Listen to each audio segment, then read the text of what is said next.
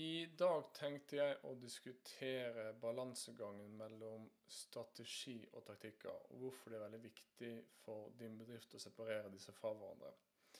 Så når jeg snakker med potensielle kunder, så forklarer jeg prosessen, eh, prosessen vår, der samarbeidet går inn i ulike faser. Og det er på denne tilnærmingen jeg mener at markedsførere bør implementere, enten om de jobber med altså de er en innholdsmarkedsavdeling, eller om det er et byrå som jobber med, med et selskap.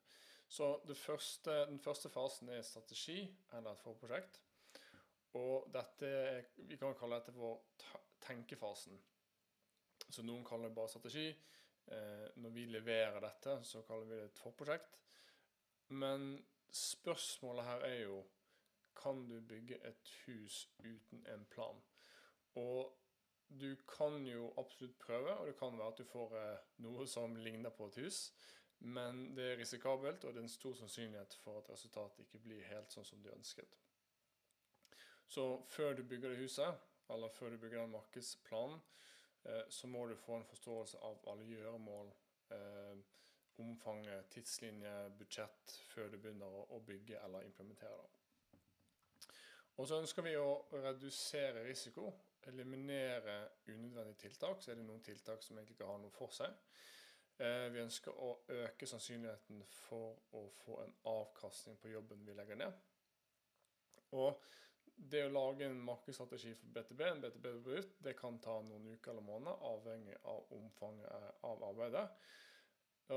Men når det gjelder å skille mellom eh, strategi og taktikker, så er det eh, to ord som markedsfører ofte bruker litt om hverandre. Og strategi får ofte et veldig dårlig rykte. Um, mange som kjøper markedsføringstjenester, uh, de tenker jo at strategi det er både bortkastet tid, og man betaler for ting som man som egentlig ikke trenger. Um, og veldig mange bedrifter de ønsker å hoppe rett på det taktiske. altså De ønsker, de ønsker å skrive artikler, publisere innlegg på sosiale medier, eh, opprette annonser og den type ting. Eh, få opp en ny nettside. Og og bare gå rett på det taktiske uten å ha en overordnet plan. Og dette er jo litt, litt markedsfører sin egen skyld på noen måter. Fordi markedsfører og eksterne konsulenter de er ofte skyldige i å lage lange dokumenter Eh, eller PowerPoint-presentasjoner som kan være litt Skal vi si um, som, som, ikke kan overføres til en faktisk praktisk markedsstrategi. Og markedsfører, de, enten om det er internt eller fra et byrå, de vil gjerne si at de ønsker å jobbe mer strategisk uh, uten å virkelig forstå hva det, hva det betyr. Um, så etter min mening så en strategi i en BTB-sammenheng, en markedsføringsstrategi, det består av at du har markedssegmentering, så hvilke bransjer vi går etter, og, og hva som er de mest lønnsomme bransjene, vertikale, eh, som, som selskapet skal selge til.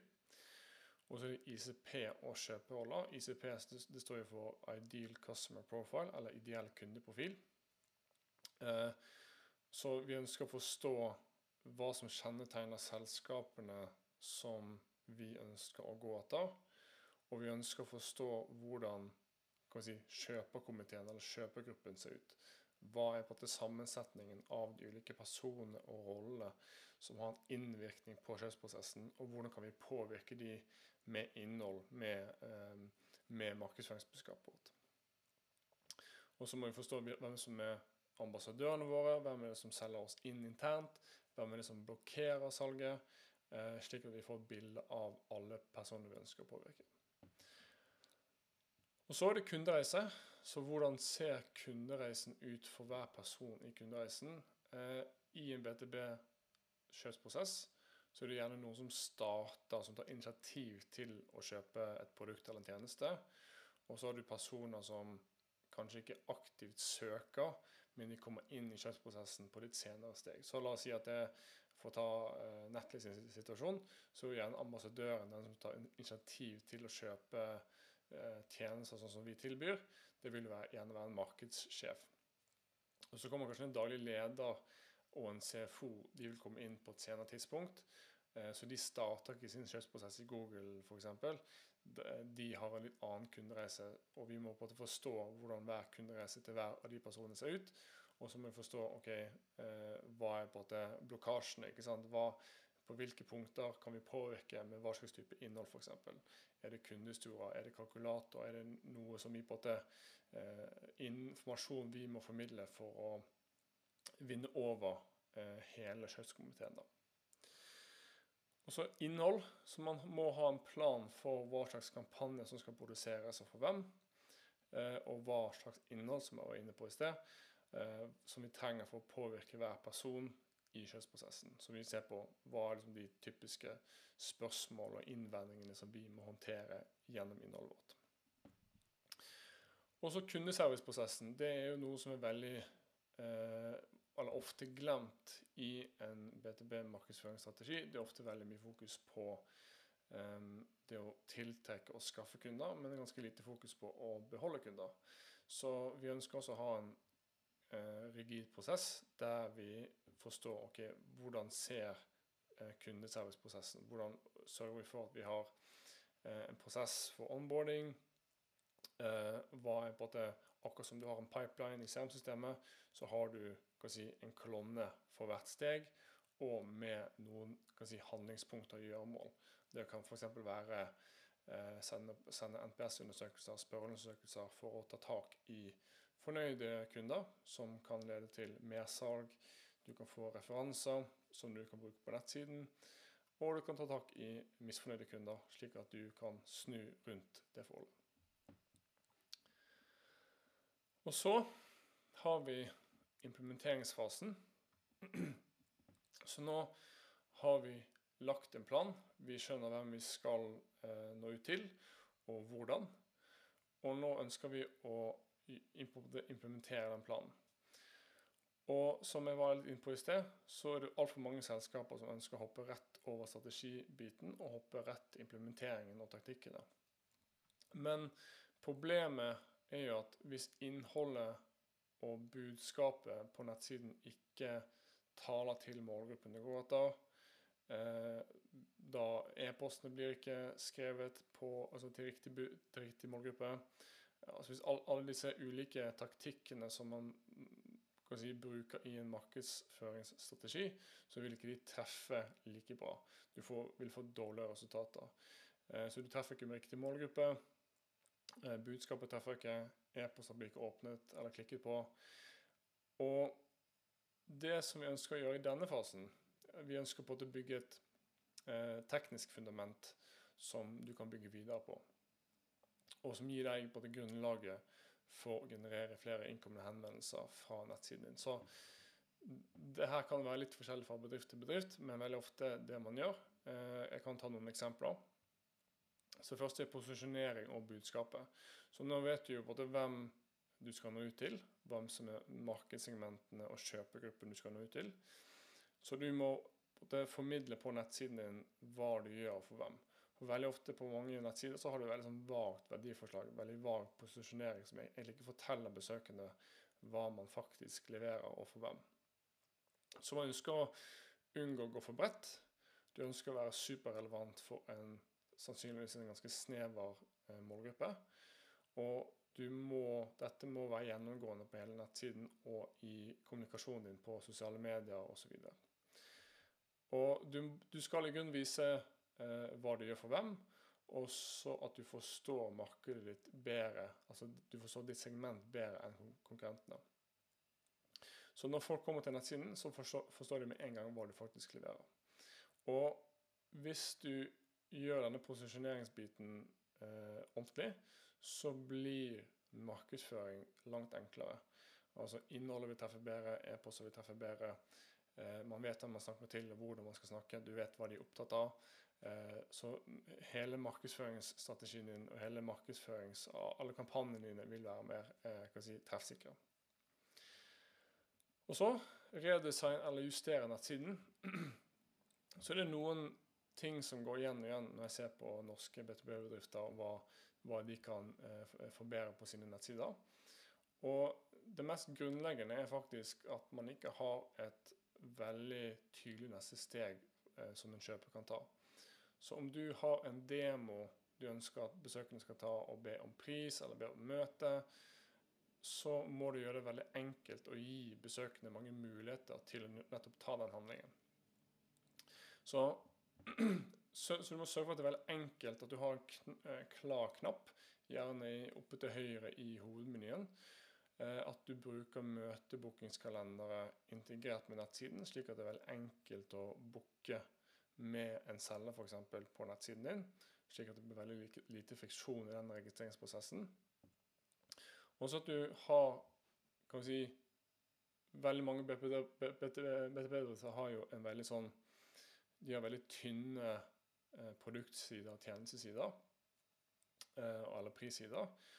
Og veldig ofte så må man videreutvikle og hva vi si, gjøre disse sidene mer detaljerte, ha flere muligheter for å kommentere, legge inn skjema og den type ting.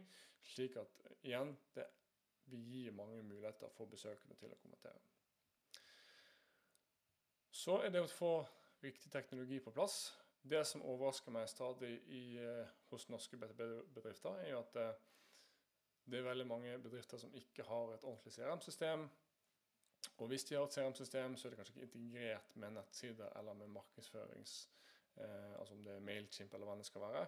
Så det er veldig sånn fragmentert i veldig mange tilfeller. Til og med i store eh, BTB-bedrifter som gjør det veldig bra.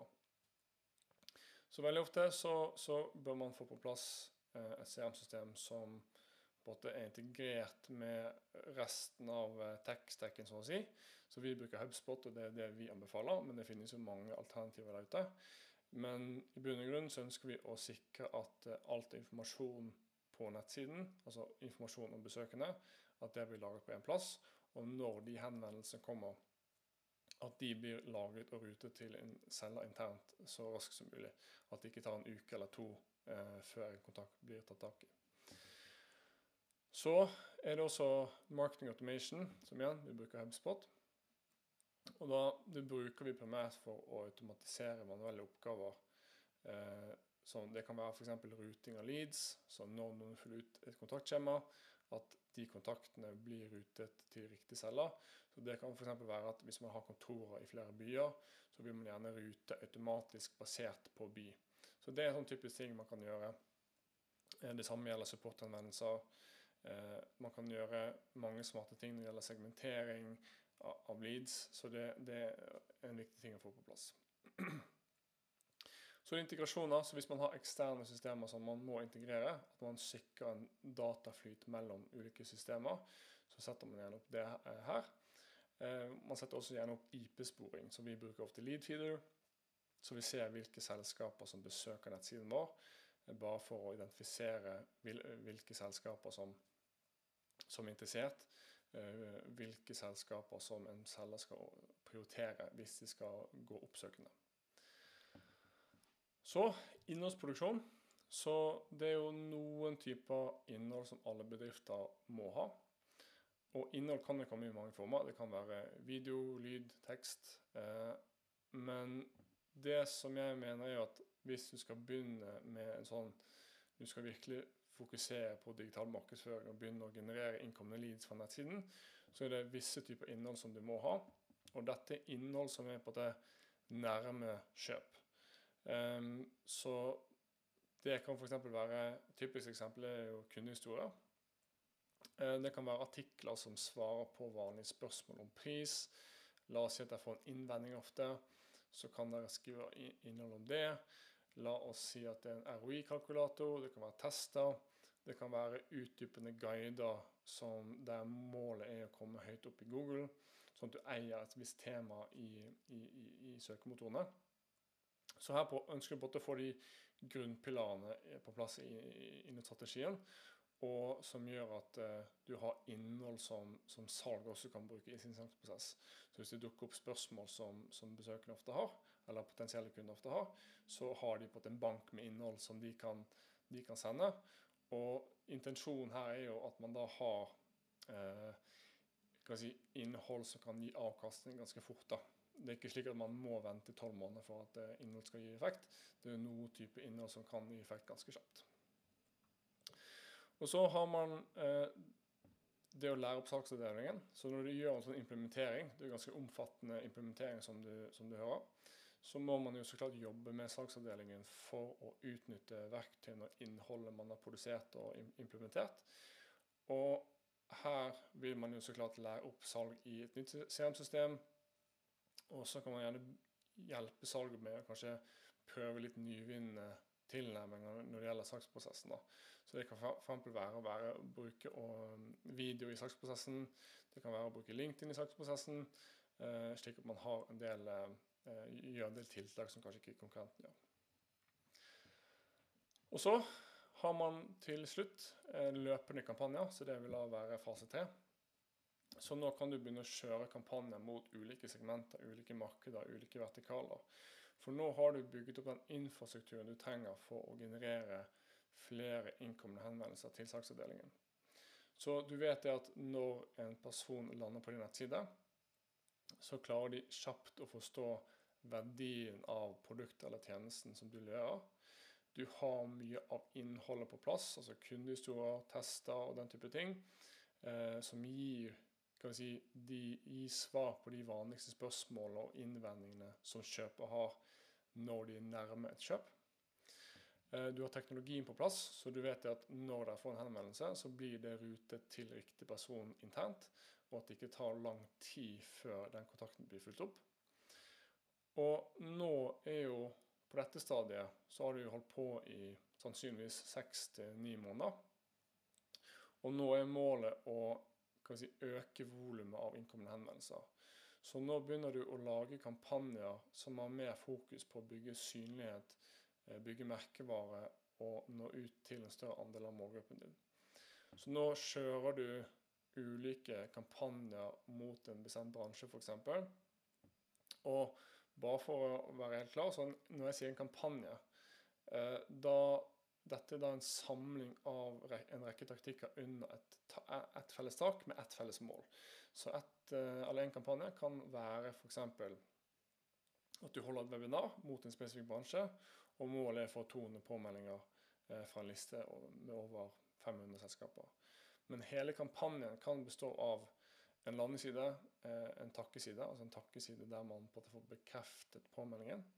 Det kan være åtte innlegg på LinkedIn, to annonsekampanjer på Facebook og LinkedIn.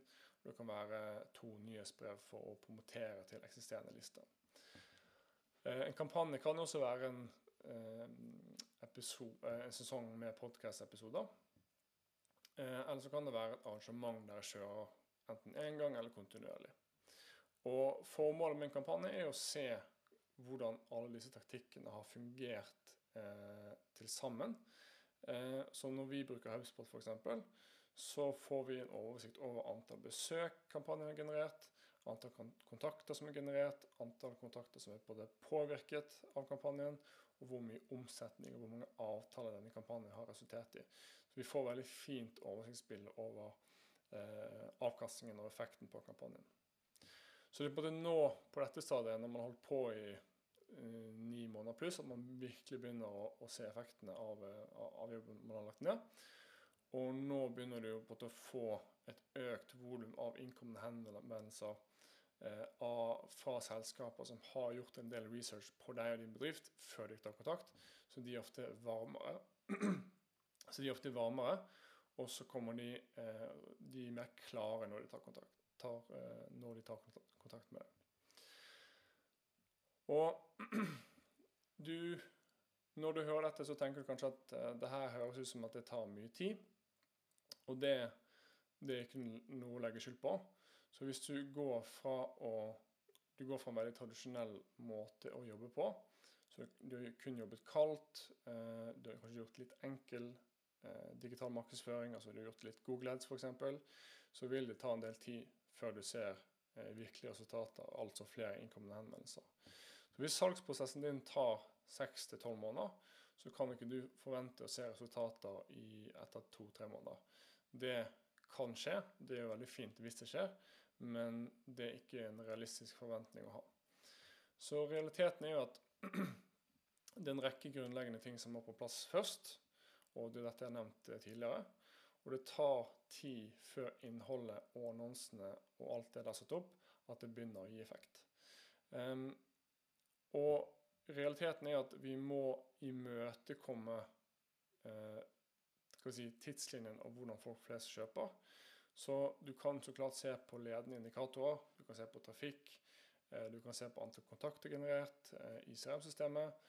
Men det som du, du, må tenke på, er at du har egentlig ikke så veldig mye alternativ.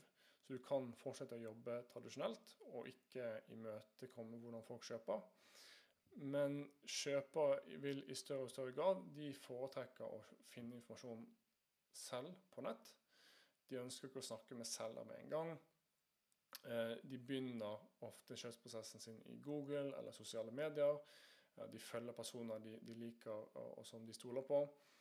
Og markedsføring er ikke noe som tar kjapp tid. Det er litt som å investere i aksjer, eh, og det er på en snøball.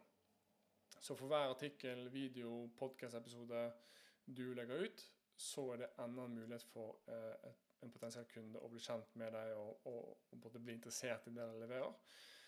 Men hvis du ikke gjør det nå, og en konkurrent gjør det, og de, gjør det, de holder på med en mer moderne tilnærming til digital markedsføring i ett eller to år, så blir det veldig tøft for deg å ta de igjen.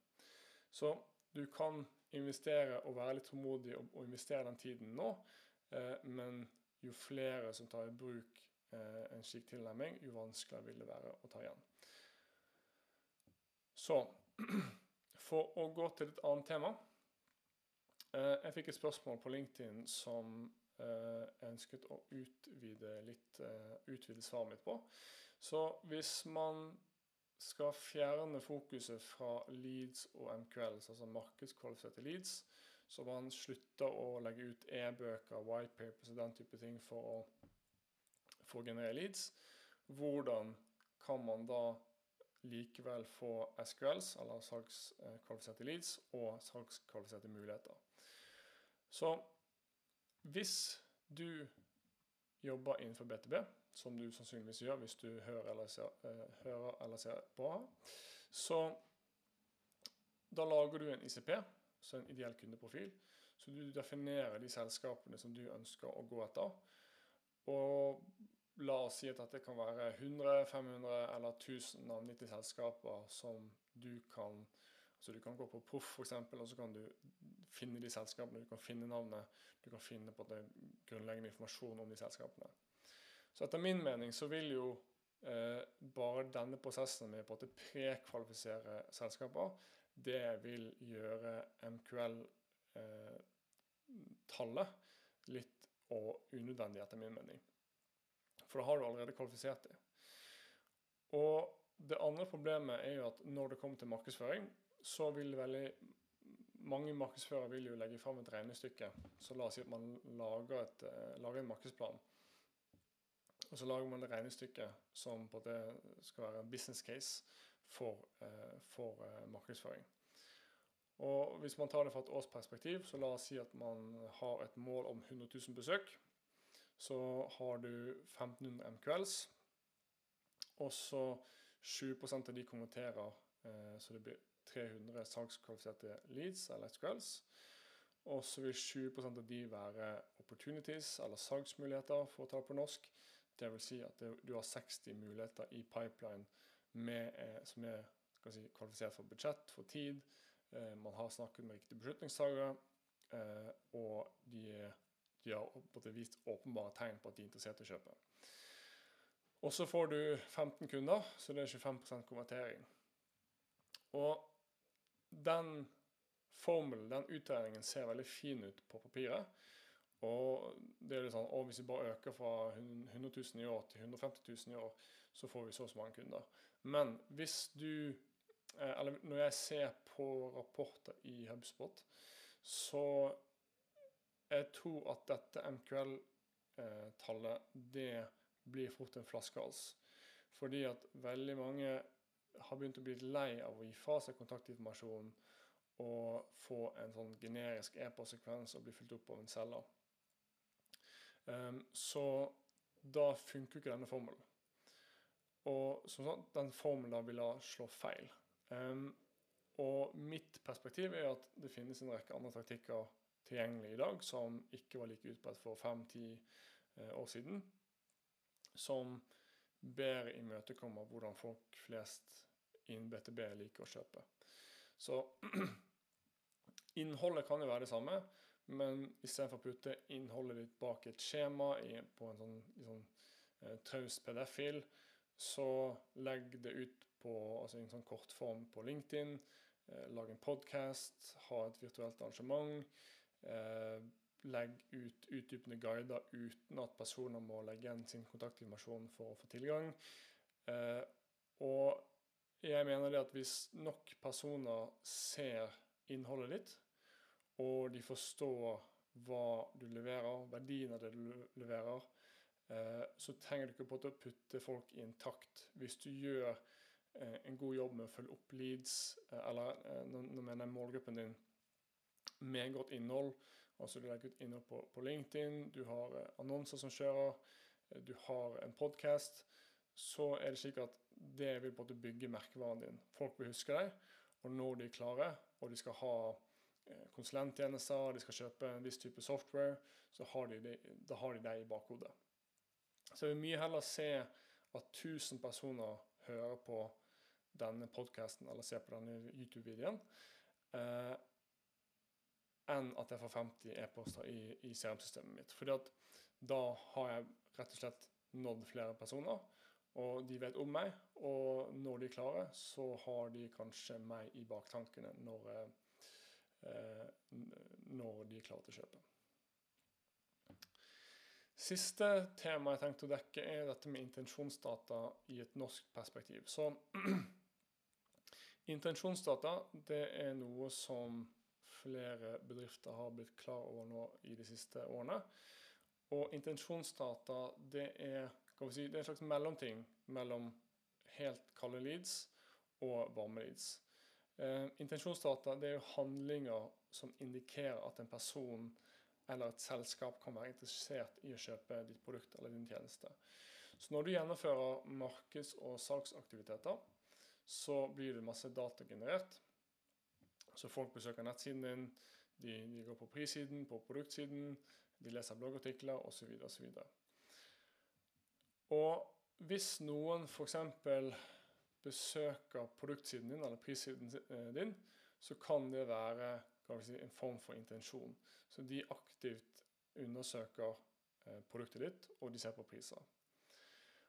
Og dette er jo signaler som kan være ganske verdifulle for din saksavdeling. Så et mer åpenbart kjøpsignal vil være at man ber om en demo eller man ber om pris. Men du har jo også disse implisitte dataene. Så Eh, hvis man da leser produktsider, eh, prissider, leser kundehistorier, så kan dette være informasjon som du kan gi til salg. Så vi bruker eh, Noen kunder bruker Albacross, noen bruker Leadfeeder for for å gjøre dette. Men da kan vi spore hvilke selskaper som tar disse handlingene. Som ser på prissiden, som ser på produktsiden. Og så kan vi identifisere hvilke selskaper som er i en aktiv kjøpsprosess. Eh, vi kan identifisere selskaper som vi kanskje eh, ikke fikk med når vi identifiserte hvilke selskaper vi skal gå etter.